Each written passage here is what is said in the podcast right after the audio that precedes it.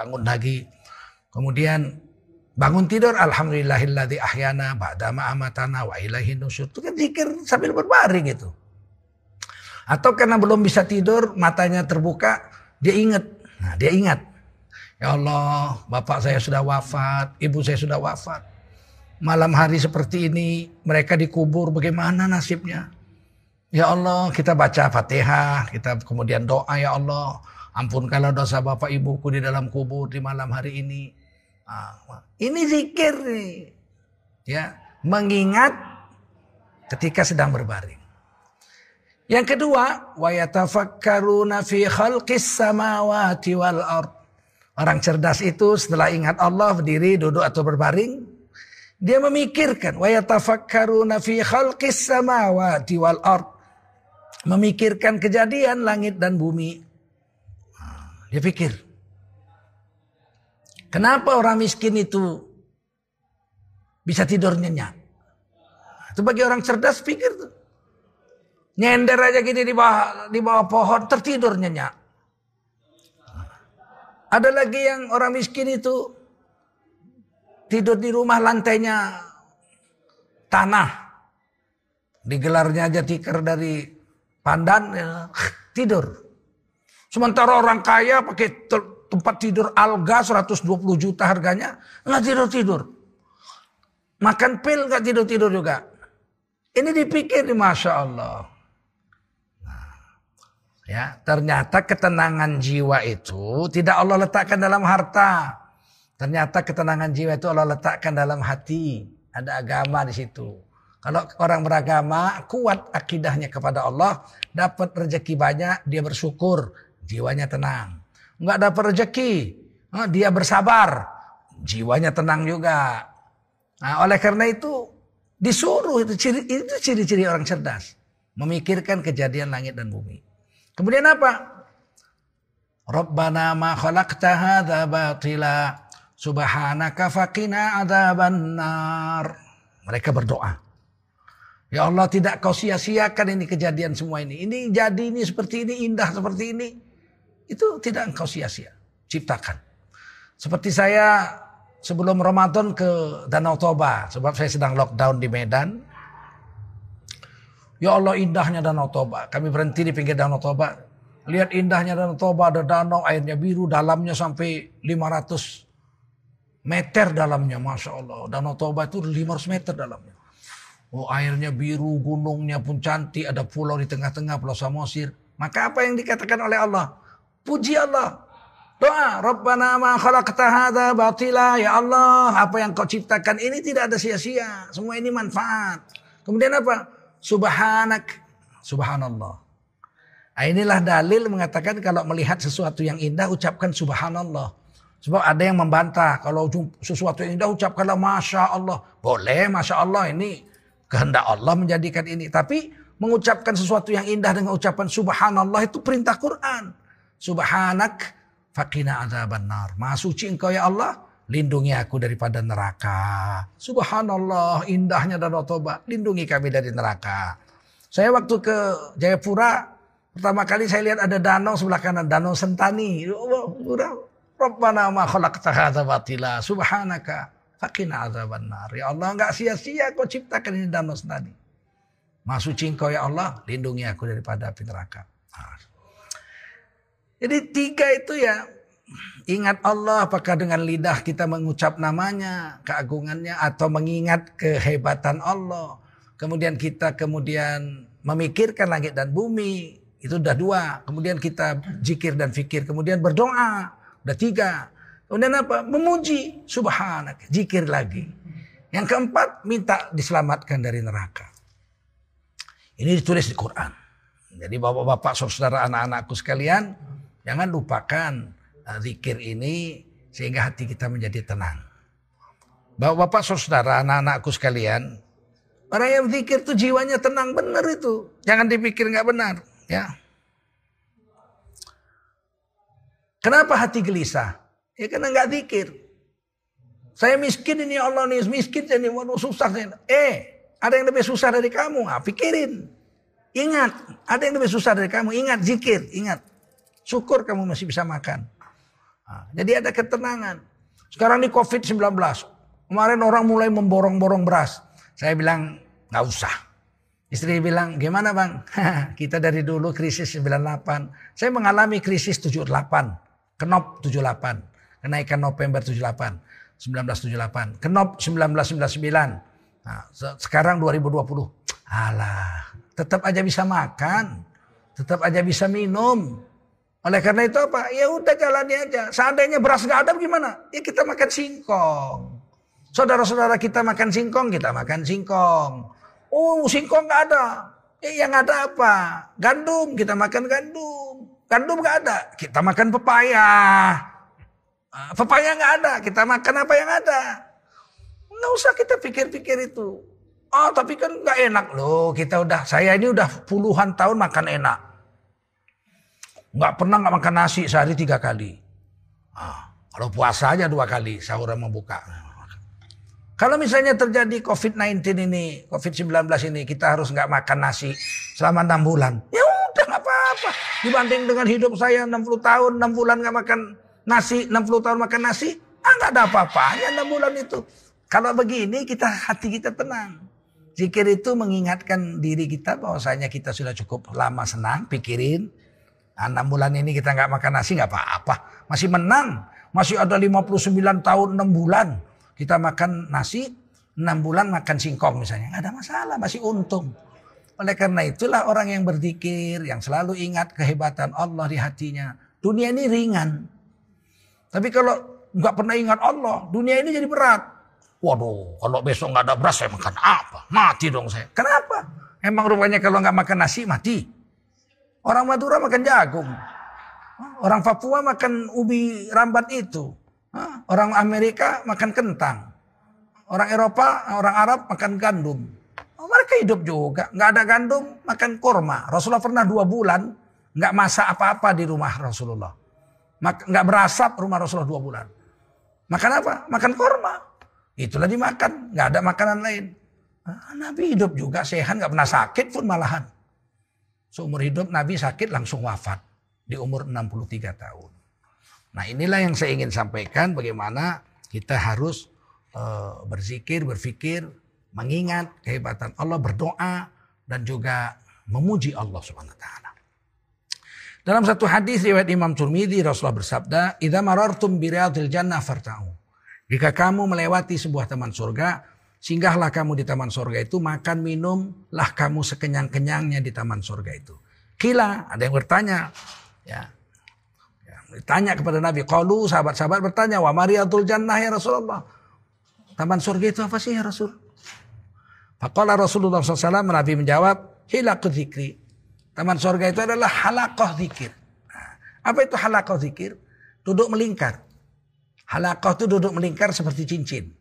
Nih seperti cincin ini. Kalau melingkar seperti cincin, itu orang-orangnya, maka disebut halakoh. Kalau duduknya uh, ngumpul, misalnya saya ceramah gini, di depan saya ini ada murid-murid saya di pesantren kan biasa tuh ngumpul semua di depan, saya di depan hadap-hadapan begini, satu orang rame-rame begini pada depan. Ini namanya duduk ijtima. Ah, beda itu. Kalau zikir sunnahnya duduknya melingkar. Makanya orang-orang Madhab Syafi'i di Medan ini kalau wirid Yasin mereka itu duduknya melingkar. Kalau taklim ngaji seperti saya buat ngaji ini, saya baca kitab begini, di depan saya itu ngumpul semua begitu. Itu namanya ijtima. Ah, dan dua-duanya itu ada hadisnya. Mani jatama'a kaumun Allah illa hafathumul malaika. Kalau orang berkumpul ijtima rame-rame duduk rapat-rapat mengingati Allah, berzikir pada Allah, maka malaikat turun memayungi mereka dengan sayap-sayapnya. Wa umur rahmah. Allah sirami mereka dengan kasih sayang. Wa nazalat alaihi musakinah. Allah berikan kepada mereka ketenangan jiwa. Wa dzakarahumullahu fiman indahu. Nama mereka disebut-sebut malaikat di langit sehingga seluruh malaikat kenal namanya. Nah, begitu. E, dalam hadis yang lain juga hadis sahih e, hadis qudsi Allah berfirman, kalau umatku itu mengingati aku di dalam sendirian, jadi zikir sendirian. Zakartu fimana uh, zakartu fi nafsi. Aku pun mengingatnya sendirian kata Allah. Nah, kalau mereka itu mengingati aku dalam rombongan rame-rame fil mala zakartu fil malai maka aku kata Allah mengingati mereka dalam rombongan malaikat-malaikatku di langit sehingga seluruh malaikat kenal kepadanya eh, ini majelis ya majelis seperti ini disuruh Nabi jangan lalu lewati kita lihat ada orang lagi zikir duduk situ lima menit pun nggak apa-apa karena kata Nabi suruh duduk farta'u makan minum situ jangan di jangan dilewati begitu saja ada orang lagi baca Quran tadarus. Kita sibuk nih mau pergi. Ya minimal duduk situlah. Biar dua menit. Dengar orang tadarus Quran. Supaya kita disuruh farta'u makan minum sedikit situ. Hmm. Kalau bisa sekenyang-kenyangnya syukur. Apa saja. Lihat ada majelis taklim nih. Ada, ada apa namanya. Tablik akbar misalnya. Ada ceramah. Kita duduk. Biar per lima menit. Ini mau pergi nih ke Jakarta ke airport. Iya masih ada satu jam waktu. Oke lah, bisa lah duduk lima menit, denger aja. Dengar ceramah lima menit, kita udah masuk dalam rombongan yang dirahmati Allah, diberi sakinah, di, diampuni segala dosanya. Begitu kita berdiri, malaikat berseru di langit. Kumu maghfuran. Berdirilah kamu, dosa kamu sudah diampuni oleh Allah subhanahu wa ta'ala. Di mana ruginya? Nah inilah dahsyatnya daripada zikir itu. Saudara-saudara yang mulia, ada orang mengatakan begini. Ini zaman modern, problem banyak, persoalan hidup banyak. Bagaimana memecahkan masalah hanya dengan zikir? Sinis gitu. Kita ini usaha. Idza azamta fatawakkal Allah. Kita usaha, ada problem, ada masalah, kita usaha, kita cari usaha manusia. Habis itu kita serahkan pada Allah, fatawakkal 'ala Allah. Jadi artinya kembalikan pada Allah, kembalikan ingat Allah, jangan kamu sendirian menyelesaikan masalahmu. Repot kamu. Repot saya kalau masalah ini saya selesaikan sendiri. Saya usaha. Setelah usaha, saya tawakal sama Allah. Artinya saya nggak sendiri, ada Allah. Ingat Allah, kembalikan pada Allah. Malam kita tahajud ya Allah, tadi siang saya udah usaha. Persoalan saya sebegini, begini, begini. Saya sudah usaha begini, begini, begini. Sekarang tinggal engkau yang memutuskan. Aku berserah diri padamu. Mesti ada jalur zikirnya, ada jalur ingatnya sama Allah. Kalau enggak, bisa sinting kita bisa gila kita menghadapi masalah hidup di dunia. nah sekarang kan orang berkata sinis. Apa iya kalau ada utang mau jikir mau, mau menyelamatkan utang kita cari duit kemudian jikir bisa membantu. Apakah kita bisa menyelesaikan persoalan hidup di dunia ini COVID-19, utang negara yang 6 ribu triliun. Apa bisa diselesaikan dengan zikir-zikir? Ya setelah usaha memang harus zikir. Apa kekuatan zikir? Kekuatan zikir menyelesaikan seluruh masalah terberat. Mana buktinya? Nah, saya kasih contoh buktinya Nabi Yunus. Nabi Yunus itu kan Nabi, zaman dulu kan ada pedang di pinggangnya. Sedangkan zaman kakek saya ke mana-mana bawa pisau di pinggangnya keris. Ada golok kecil. Seluruh dunia orang Yaman begitu, orang Papua begitu, orang Sunda begitu, orang Melayu gitu, orang Jawa, semua ada senjata di pinggangnya. Baru satu generasi di atas saya masih begitu. Kemudian apa yang terjadi? Nabi, Nabi Yunus punya tongkat juga. Tidak ada nabi nggak bertongkat. Semua nabi punya tongkat. Punya pisau untuk mengerat kumis, motong kuku, mengupas buah, nyembelih binatang di jalan. Mesti punya. Satu hari Nabi Yunus ditakdirkan Allah dimakan ikan. Ikan. Nah, Nabi Yunus apa yang dibuat? Dia tidak ambil pisau dari pinggangnya, tikam jantung ikan mati, belah perutnya, keluar, berenang keluar. Kalau itu dilakukan mati Nabi Yunus. Kenapa? Karena ikan itu setelah memakan beliau tidur di dasar laut. 40 hari nggak bergerak-gerak. Seandainya dibelah perut ikan tuh mati ikannya, tusuk jantungnya. Nabi Yunus keluar mati juga karena Nabi Yunus di dasar laut. Bagaimana dia mau ke atas sana nggak nafas? Ternyata Nabi Yunus apa yang dilakukannya? Berzikir. Di dalam perut ikan itu 40 hari apa yang dizikirkannya? Ditulis zikirnya. La ilaha illa anta subhanaka inni kuntu zalimin. Sesungguhnya tiada Tuhan selain engkau. Uh, bukan la ilaha illa huwa. Tiada Tuhan selain dia. Jauh rasanya kalau huwa dia. Goib. Domirnya itu goib nggak kelihatan. Kalau la ilaha illa anta, seolah-olah di depannya. Tiada Tuhan selain engkau ya Allah. Subhanaka, maha suci engkau ya Allah. Inni kuntu minaz zalimin. Aku dimakan ikan ini bukan salahmu ya, bukan salahku ya Allah. Hah? Bukan salahmu ya Allah, tapi salahku. Aku yang salah. Ini kuntu minaz zalimin, aku yang salah ya Allah. 40 hari Nabi Yunus jikir aja. Sampai satu hari, setelah 40 hari ikan itu bangun. Ikan itu meluncur, ikannya gede. Oh, meluncur. Keliling samudra, dikembalikan Nabi Yunus ke kampungnya di Nawaweh. Kemudian ikan itu memuntahkan Nabi Yunus di kampung halamannya. Irak, di negeri Irak, Nawaweh. Ikan itu pergi. Nabi Yunus sudah lemas, nggak bisa bangun tertidur. Nggak bisa duduk pun, sudah 40 hari nggak makan, nggak minum. Tubuhnya, kulit-kulitnya sudah hancur, kena asam lambung ikan, HCl, asam klorid. Lemah. Nabi Yunus zikir aja, la ilaha illa anta, subhanaka ini kuntu minaz Apa yang terjadi? Nabi Yunus yang tergeletak di pinggir laut, di pantai. Ternyata di atas bukit ada kambing sedang menyusukan anaknya. Kambing itu meninggalkan anaknya lari-lari turun ke pinggir laut dan mengangkangi tubuh Nabi Yunus dan memberikan puting susunya ke mulut Nabi Yunus. Nabi Yunus duduk aja belum bisa. 40 hari nggak makan. Maka diisaplah puting susu itu. Langsung kambing itu memberikan minum seperti mengusukan anaknya. Setelah kenyang Nabi Yunus, kambing itu pergi ke bukit, kasih makan anak, makan rumput, kasih minum anaknya. Beberapa jam kemudian kambing itu datang lagi. Memberi minum Nabi Yunus lagi. Sampai Nabi Yunus mampu duduk. Berapa hari itu? Setiap hari bisa 4-5 kali. Setelah Nabi Yunus duduk, Allah tumbuhkan mana ada di pinggir laut buah labu. Tapi ini kuasa Allah. La haula wala quwata illa billah. Kita nggak bisa. Fa'alu lima yurid. Allah buat apa yang Allah mau. Eh tiba-tiba tumbuh buah labu, langsung buah. Dan langsung masak.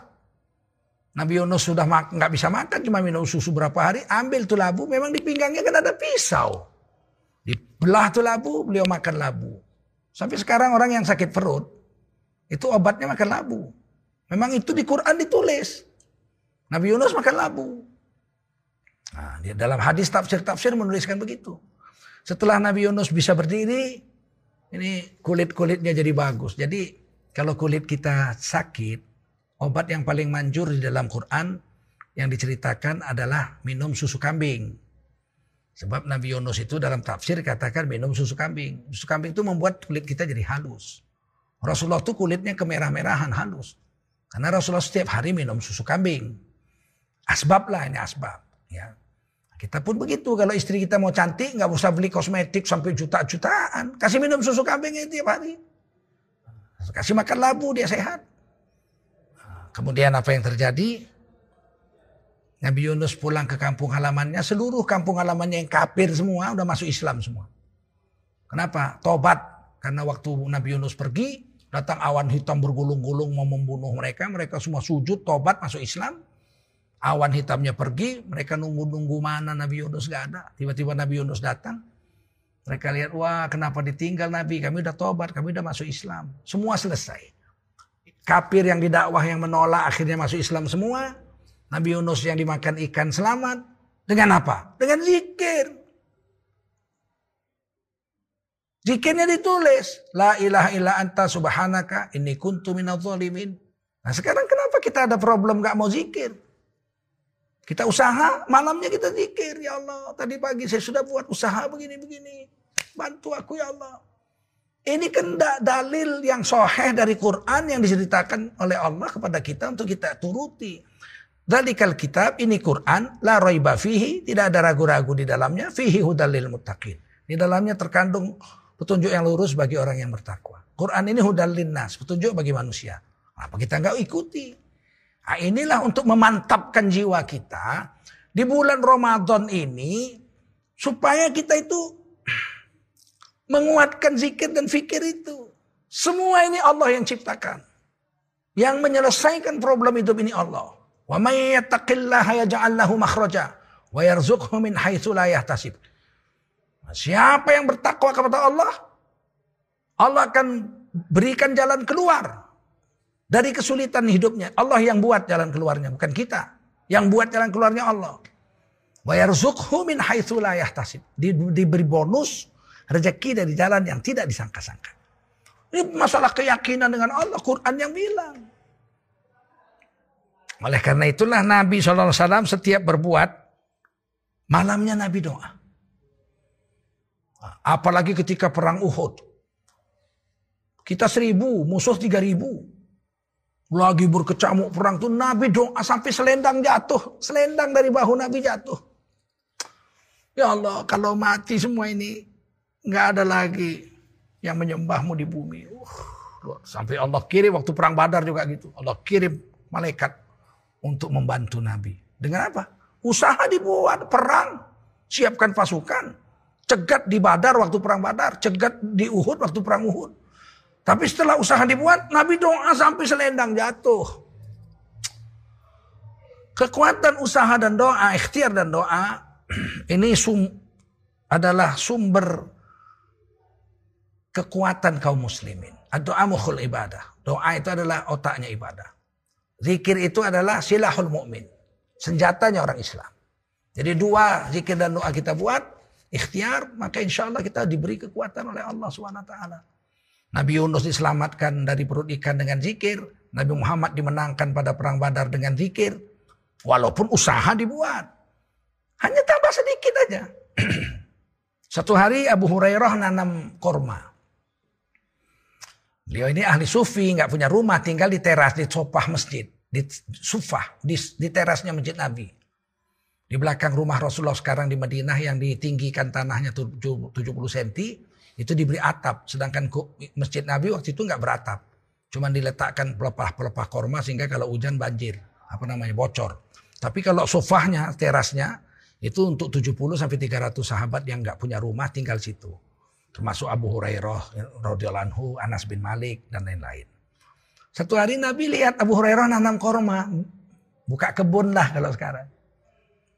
Itu lama 8 tahun baru buah, 7 tahun baru buah. Nabi datangi itu Abu Hurairah. Apa ini Abu Hurairah?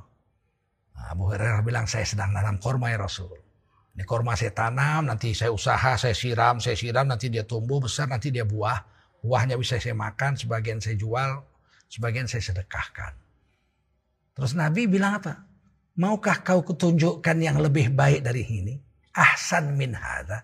Jadi yang dibuat oleh Sayyidina Abu Hurairah itu bagus. Kita salah menerjemahkan hadis sering. Udah gak usah kerja. Yang penting zikir. Lah Nabi gak bilang begitu. Nabi bilang maukah aku tunjukkan kepadamu yang lebih baik dari ini. Kau nanam korma ini baik. Hadza Hasan. Tapi Hasan min hadza mau kutunjukkan lebih baik dari ini. Wah tentu ya Rasul. Bala ya Rasulullah benar ya Rasul saya mau. Nah kau tanam korma ini, ini usaha duniamu. Tanam korma ini. Ketika kau menanam kau tas, tasbih di mulutmu. Subhanallah. Maka di dunia ini tumbuh satu pohon untukmu. Di sorga, saat kau sebut subhanallah, Allah tumbuhkan satu pohon di sorga untukmu. Yang besar batangnya, tidak selesai dikelilingi kuda tercepat selama 70 tahun. Masya Allah. 70 tahun kuda berpacu. Satu pohon di sorga tidak selesai dikelilingi batangnya. Bagaimana menanam pohon di sorga? Kata Nabi, ucapkan subhanallah. Jadi kita tanam pohon di dunia, tumbuh di dunia. Nggak pakai subhanallah juga tumbuh di dunia. Bagus untuk anak cucu kita, untuk kita. Tapi di surga nggak tumbuh. Nah kita tanam, waktu menanamnya kita baca subhanallah. Pohon di dunia tumbuh, kita bisa ambil hasilnya. Pohon di surga tumbuh, kita ambil hasilnya ketika nanti kita dimasukkan ke surga oleh Allah SWT. Tidak ada rugi apa-apa. Nah, demikian ceramah ini uh, saya kembalikan kepada moderator untuk kita memulai uh, diskusi kita tentang uh, zikir dan fikir, ya, tafakur dan zikir pada hari ini dan doa juga tentunya agar kita semakin mantap jiwa kita di bulan Ramadan ini dan 11 bulan yang akan datang tetap kita dalam masalah empat ini. Pikir, zikir, kemudian doa, kemudian memuji Allah. Dengan demikian kita termasuk dalam golongan orang-orang yang ulul albab, orang yang cerdas kata Allah SWT. Amin ya rabbal alamin. Silakan. Teori bumi mengelilingi matahari itu ada di Quran. Ayat yang dibaca tadi itu tidak dikatakan uh, bahwasanya bumi tidak mengelilingi matahari. Teori bumi mengelilingi matahari itu salah satunya misalnya di surah Yasin. Ya. Wasyamsu tajri li mustaqarril laha. Dan matahari itu hanya berputar pada sumbunya saja istiqrar. Matahari itu nggak bergerak dia istiqrar. Situ aja. Wasyamsu tajri li mustaqarril laha. Dzalika taqdirul azizul alim. Itu matahari istiqrar berputar-putar di situ saja.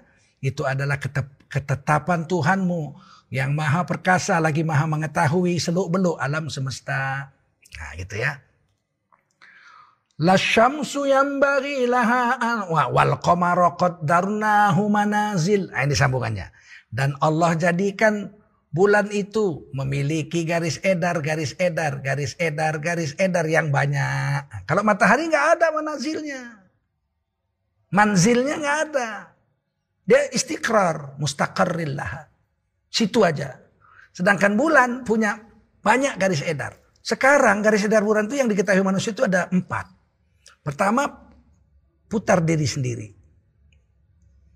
Evolusi. Kedua, dia memutari bumi.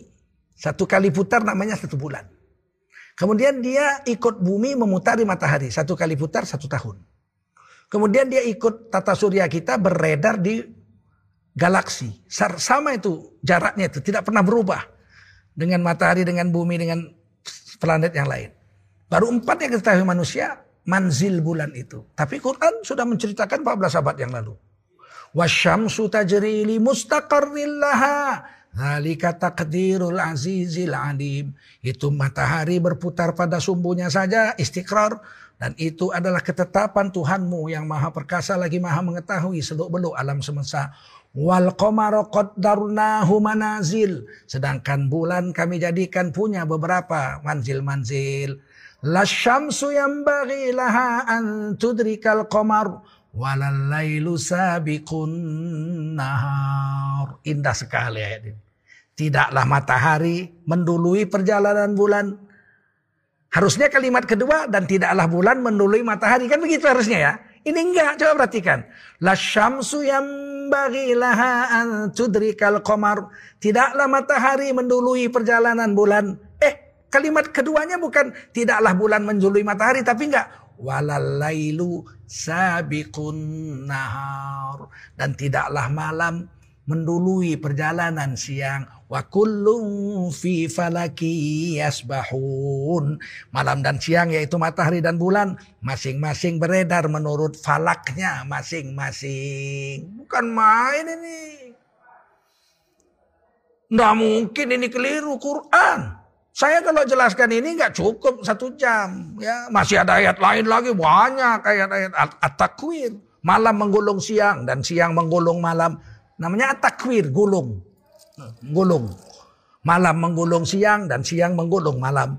Artinya apa? Sebanyak mana buntut malam yang dimakan siang, sebanyak itu pula buntut siang yang dimakan malam. Berarti kan berputar.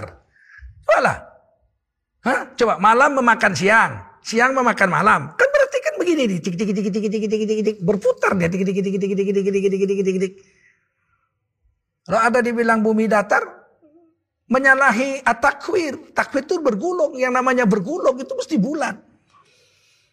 Memang ada ayat Quran. Alladhi ja'ala lakumul ardo firasha. Dan dialah Allah yang telah menjadikan bumi bagimu seperti tikar yang datar. Tapi itu bagimu. Alladhi ja'ala lakum. Allah yang telah menjadikan bagimu Al-ardo bumi firosha seperti bumi itu seperti hamparan tikar rata. Itu seperti bagimu, bagi kita, bumi ini seperti rata. Kenyataannya rata apa enggak? Enggak, bumi ini bulat. Buktinya kalau kita di laut, lihat kapal mula-mula nampak tiang layarnya. Lama-lama layarnya, lama-lama kapalnya lengkap. Kalau memang datar dari ujung harusnya nampaknya kecil aja setitik. Kapal yang lengkap juga. Lama-lama membesar, membesar kapalnya. Ini enggak. Yang nampak asapnya dulu. Asapnya dulu. Lama-lama tiang layarnya. Lama-lama layarnya. Lama-lama baru kapalnya. Berarti kan sesuatu yang bulat yang begitu. Muncul pelan-pelan begitu. Nah, oleh karena itulah. Tidak perlu diperdebatkan bumi bulat atau tidak. Pasti bulat. Kalau enggak bulat Amerika sekarang jam tiga malam, di sini jam tiga siang bagaimana kalau nggak bulat itu? Pasti begini dia, sini siang, sini malam. Nah, kalau seandainya matahari ini mengelilingi uh, bumi ini dikelilingi oleh matahari, bumi yang diam, tidak mungkin. Karena perjalanan kita naik kapal terbang, nah ini ini ini bukti saya pernah berapa kali naik kapal terbang ke Amerika, ke Eropa ya. Itu kalau pergi ke sana itu uh, mengulang sehari. La ilaha illallah. Saya pernah bulan puasa pergi ke Amerika. Ini pengalaman nih supaya kalian lihat ini kenyataan. Saya naik kapal terbang dari Jakarta sampai ke Jepang. Saya puasa. Orang-orang bulan Ramadan. Sampai di Jepang jam 5 sore. Saya tukar pesawat ke California, ke Los Angeles. Maka saya jam 5 sore itu berwudu, sholat, kemudian saya uh, ke kamar mandi, kemudian saya ambil air dalam botol aqua, uh, kemudian saya masuk, saya beli air, kemudian saya masuk ke dalam pesawat. Begitu saya masuk pesawat, pesawatnya baru mau terbang, saya lihat bulan udah terbit. Subhanallah, maghrib dong. Sudah maghrib, maka saya memang saya bawa roti. Saya ambil tas kecil saya, saya makan roti, saya buka puasa, minum air. Terus saya panggil itu pramugaranya. E, sekarang sudah maghrib, saya bilang sudah sunset already? Matahari sudah tenggelam? Oh yes, the sun set already. Matahari sudah tenggelam. Gembira lah saya, ya Allah puasa saya sampai hari ini di Jepang. Kemudian terbang. Saya buka itu peta. Peta terbang itu saya buka di depan saya. Baru sekitar dua jam, saya lihat sudah hampir fajar. La ilaha illallah, ini udah hampir fajar. Udah hampir terang. Maka saya panggil pramugaranya. Dia datang, kamu puasa ya, ya dicatat di sini kamu minta makanan halal, saya sediakan udang sama sayur sama nasi, silahkan makan. Ini sebentar lagi down, uh, the, the time is down, artinya fajar menyingsing. Oh, saya makan. Maka kemudian saya niat puasa lagi. Jadi hanya sekitar dua jaman saya buka puasa. Saya berniat puasa. Tanggal 12 waktu itu. Begitu mendarat di California jam 12 siang, jam 2 jam 2 siang. Jam 2 siang saya dijemput, terus Pak Nitya yang jemput saya, sahabat saya yang jemput, tanya puasa, puasa saya bilang. Fasting, yes, of course, saya puasa. Terus uh, saya bilang ini tanggal berapa? Tanggal 12. Innalillahi wa Saya bilang saya dari Indonesia tanggal 12. Puasa saya. Lah iya, sampai di Amerika tanggal 12. Saya tetap puasa. Akhirnya bulan itu saya puasa 31 hari. Karena di Indonesia satu hari sebelumnya. Sampai di Amerika kan 30 hari juga puasa tahun itu. Tapi satu hari setelah saya. Wong di sini udah buka puasa sana belum kan. Ini nanti Papua buka puasa satu jam lagi. Di Amerika sahur aja belum. Makan sahur aja belum dia. Ayo. Bagaimana kalau kita bilang bumi di datar? Mesti bumi di bulat. Ah, kemudian pulangnya ini yang lebih ajaib. Jadi waktu itu saya berangkat hari Rabu. 20 jam perjalanan terbang, mendarat di California hari Rabu. Dan saya puasa dua hari hari Rabu itu. Hebatnya waktu pulang, saya pulang dari Vancouver. Dari Australia, dari Kanada. Pulang dari Vancouver, 22 jam perjalanan. Saya terbang hari Jumat. Di dalam pesawat saya sholat. Ya, sholat subuh saya, ya, sholat subuh saya di, di Taiwan. Sholat subuh di Taiwan, berangkat Jumat. Malam subuh di Taiwan saya sholat subuh. Harusnya kan Sabtu itu, subuh Sabtu itu. Harusnya. Orang perjalanan 20 jam kok. Tiba-tiba saya sampai Jakarta 22 jam. Supir saya bilang, kami tadi sholat Jumat di sini pak. Loh, saya bilang sholat Jumat tuh semalam kemarin. Harusnya ini hari Sabtu. Eh, eh, eh, harusnya ini ini hari Jumat saya berangkat Jumat. Harusnya ini hari Sabtu. Gitu kan. Ini harus harus, harus eh, saya berangkat Kamis. Harusnya ini hari hari hari hari Jumat gitu. Ternyata saya sampai Indonesia hari Sabtu. Nah, hilang sehari. Saya ulangi itu. Jadi waktu saya berangkat dari Kanada, saya berhenti di Taiwan, saya sholat subuh, sampai di Indonesia harinya harusnya kan hari yang hari tambah sehari. Kalau kemis jadi Jumat. Ternyata saya sampai di Indonesia Sabtu, Jumatnya hilang. Coba, kalau misalnya bumi di datar mana ada yang hilang? Pergi ke Amerika harinya berulang, Rebu tetap rebu sampai sana, padahal perjalanan 20 jam. Pulangnya saya 22 jam, berangkatnya kemis, pulangnya sampai di Jakarta 20 jam, 22 jam kemudian. Harinya hari Sabtu, bukan hari Jumat. Siapa bilang bumi itu datar? Ke mana hilang satu hari itu? Ya karena perputaran bumi itu, bumi itu selain bulat dia berputar. Seandainya bumi diam aja mana hilang sehari? Nggak hilang sehari. Kalau seandainya bumi diam aja ke Amerika nggak akan berulang satu hari. Nah, jadi ketika kita ke arah barat, hari berulang sehari. Tapi ketika dari barat ke timur, hari hilang sehari. Berarti bumi itu berputarnya dari timur ke barat. Kita kita kita kita kita gitu. Makanya matahari terbit di timur, tenggelam di barat. Nanti hari kiamat kata Nabi, matahari terbit di barat, tenggelam di timur. Innalillahi wa inna ilaihi rajiun. Berarti kan terbalik itu bumi itu memutar balik. Sehingga terjadi tumbuhan di dunia ini 1600 km per jam, jadi 1600 km per jam, jadi 3200 km per jam. Pada saat itu kamu akan lihat gunung tercabut seperti bulu ditiup angin.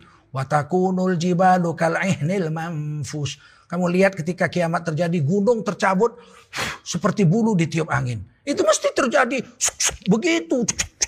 Kalau diam aja masa iya gunung ditiup, seperti ditiup angin. Itu mesti terputar sini 1600 km per jam balik sana 1600 km per jam sehingga matahari terbit di barat terjadi tumbukan 3200 km per jam. Dari mana Tengku Zulkarnain tahu kecepatan bumi 1600 km per jam? Dibagikan aja. Bulan ini, bumi ini diputari bulan, satu kali putar itu 24 jam. Bumi itu berputar untuk dirinya, evolusi. Satu kali bumi berputar itu 24 jam. Sedangkan bulat bumi itu 40 ribu kilometer. Kalau 40 ribu kilometer berputar sekali putar 24 jam, berarti kecepatan bumi itu 40 ribu kilometer dibagi 24 jam, sama dengan satu jam itu rata-rata 1600 kilometer per jam.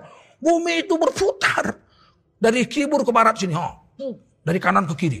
Tiba-tiba matahari yang terbit di timur, tiba-tiba bumi muter ke sana, matahari yang terbit di barat.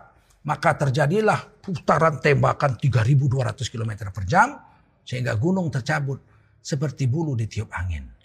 Ini teori Quran dan hadis. Kalau kita tidak percaya nggak usah pak, nggak usah kita berantem. Orang nggak kafir gara-gara ini kok kita. Nah, biar aja. Kalau anda kita percaya, wah bumi datar, silakan aja. Saya berpendapat bumi pasti bulat. Karena saya ke Amerika terbang 20 jam, hari Rabu sampai sana tetap Rabu. Ketika saya pulang dari Kanada hari Kamis, Sampai di ini hari Sabtu. Hilang sehari. Nah inilah mudah-mudahan ada manfaat ceramah ini dan mudah-mudahan kita bisa uh, memahamkannya insya Allah. Wallahu a'lam.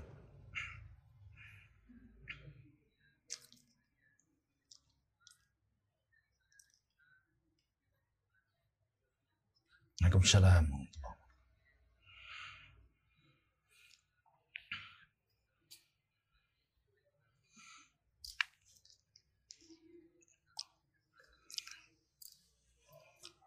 Ya. Baik, yang kalau itu baca Quran. Ya zikir baca Quran, tilawah namanya. Jadi Nabi itu kalau uh, selesai sholat, beliau baca ayat kursi. Ya. Kemudian al, uh, baca Qul huwallah, Qul a'udzu falak, Qul nas. Begitu kalau malam, malam itu Nabi membaca Al-Fatihah, uh, Qul huwallah tiga kali, Al-Falak, An-Nas sekali-sekali, kemudian baca ayat kursi, kemudian baca akhir surah Al-Baqarah. Urutan-urutan ini sunat. Kalau diikuti cara yang Nabi ajarkan bagus. Seandainya terbalik-terbalik pun tidak haram. Karena ini urutannya hukumnya sunat. Bukan ukuran wajib. Nah, lain kalau sholat. Kalau sholat terbalik nggak sah. Karena dia wajib rukun. Sedangkan urutan-urutan zikir itu sunat saja. Kalau sunat tidak tidak berurutan pun tetap aja diterima sebagai amalan soleh. Tapi yang afdol yang paling baik Tetap mengikuti urutan-urutan yang dicontohkan oleh Rasul. Kita dapat sunnahnya, dapat zikirnya, dapat tertibnya. Nah, itu jadi kita menjadi afdol, lebih utama mengikuti Rasulullah SAW. Tapi hukumnya tidak wajib. Karena berzikir aja sunat, Jangan gara-gara ukur urutannya nggak seperti Nabi terus kemudian jadi bid'ah, kemudian masuk neraka kan enggak. Masa amalan sunat membuat orang masuk neraka? Enggak mungkin itu. Kecuali amalan wajib kalau dilanggar menyebabkan orang masuk neraka. Kalau amalan sunat dilanggar nggak menyebabkan orang masuk neraka. Kalau zikir ya begitu. Tapi tetap aja bagaimanapun mengikuti aturan Rasulullah SAW itu adalah aturan yang sangat uh, afdol dan lagi mulia. Demikian wallahu a'lam.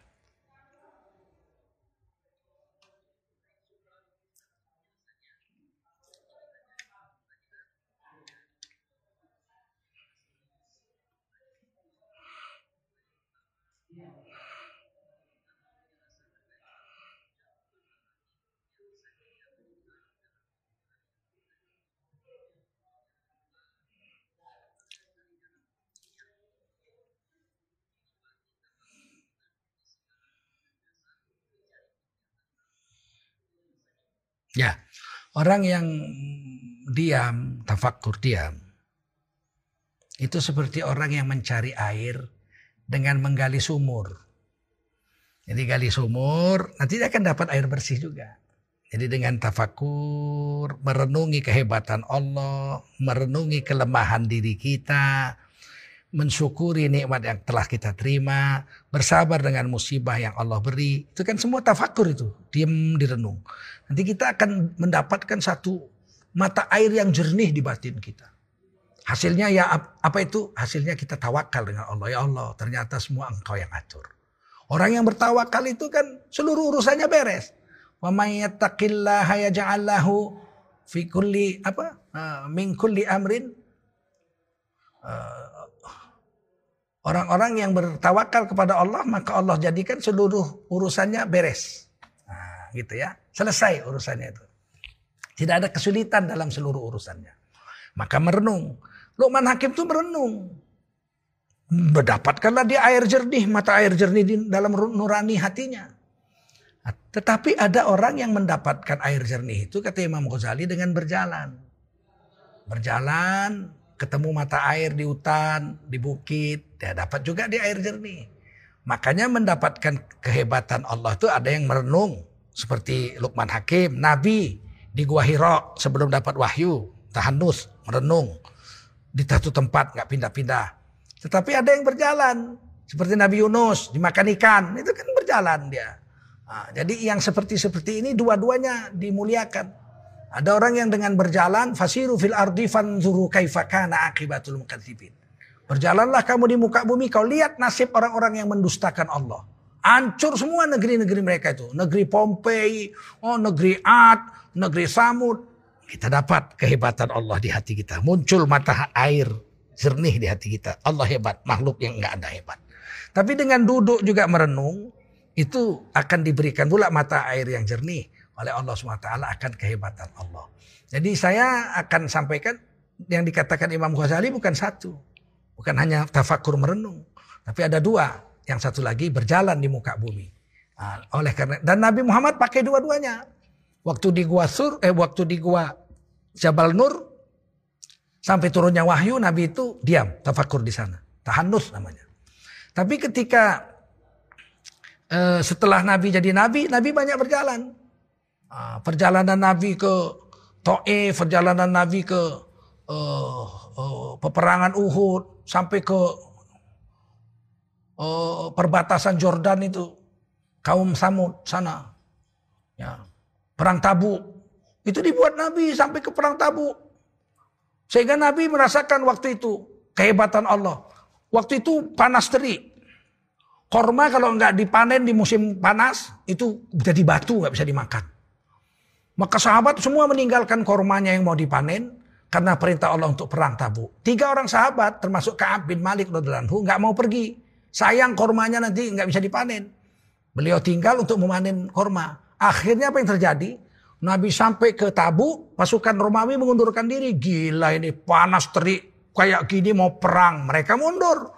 nggak jadi perang. Nabi pulang lagi ke Medina, sempat memanen lagi semua panen-panennya. Tapi Ka'ab bin Malik dihukum Allah. Disuruh oleh Allah untuk membaikot Ka'ab bin Malik dengan dua sahabat lain yang tiga orang itu.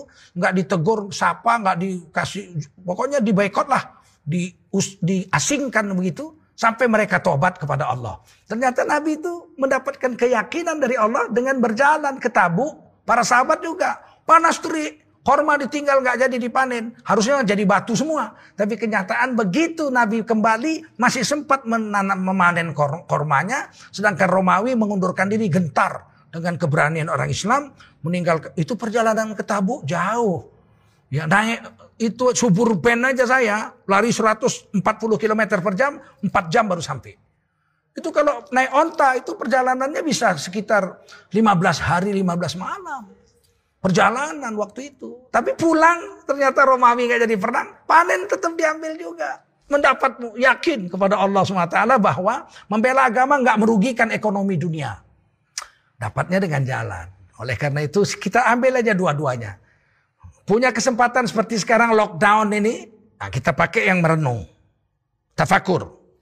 Nanti kalau saya misalnya udah lewat lockdown itu kan saya jalan-jalan. Saya ke Papua, saya ke Papua Nugini, saya ke Amerika, saya ke Eropa, ke mana-mana saya dakwah.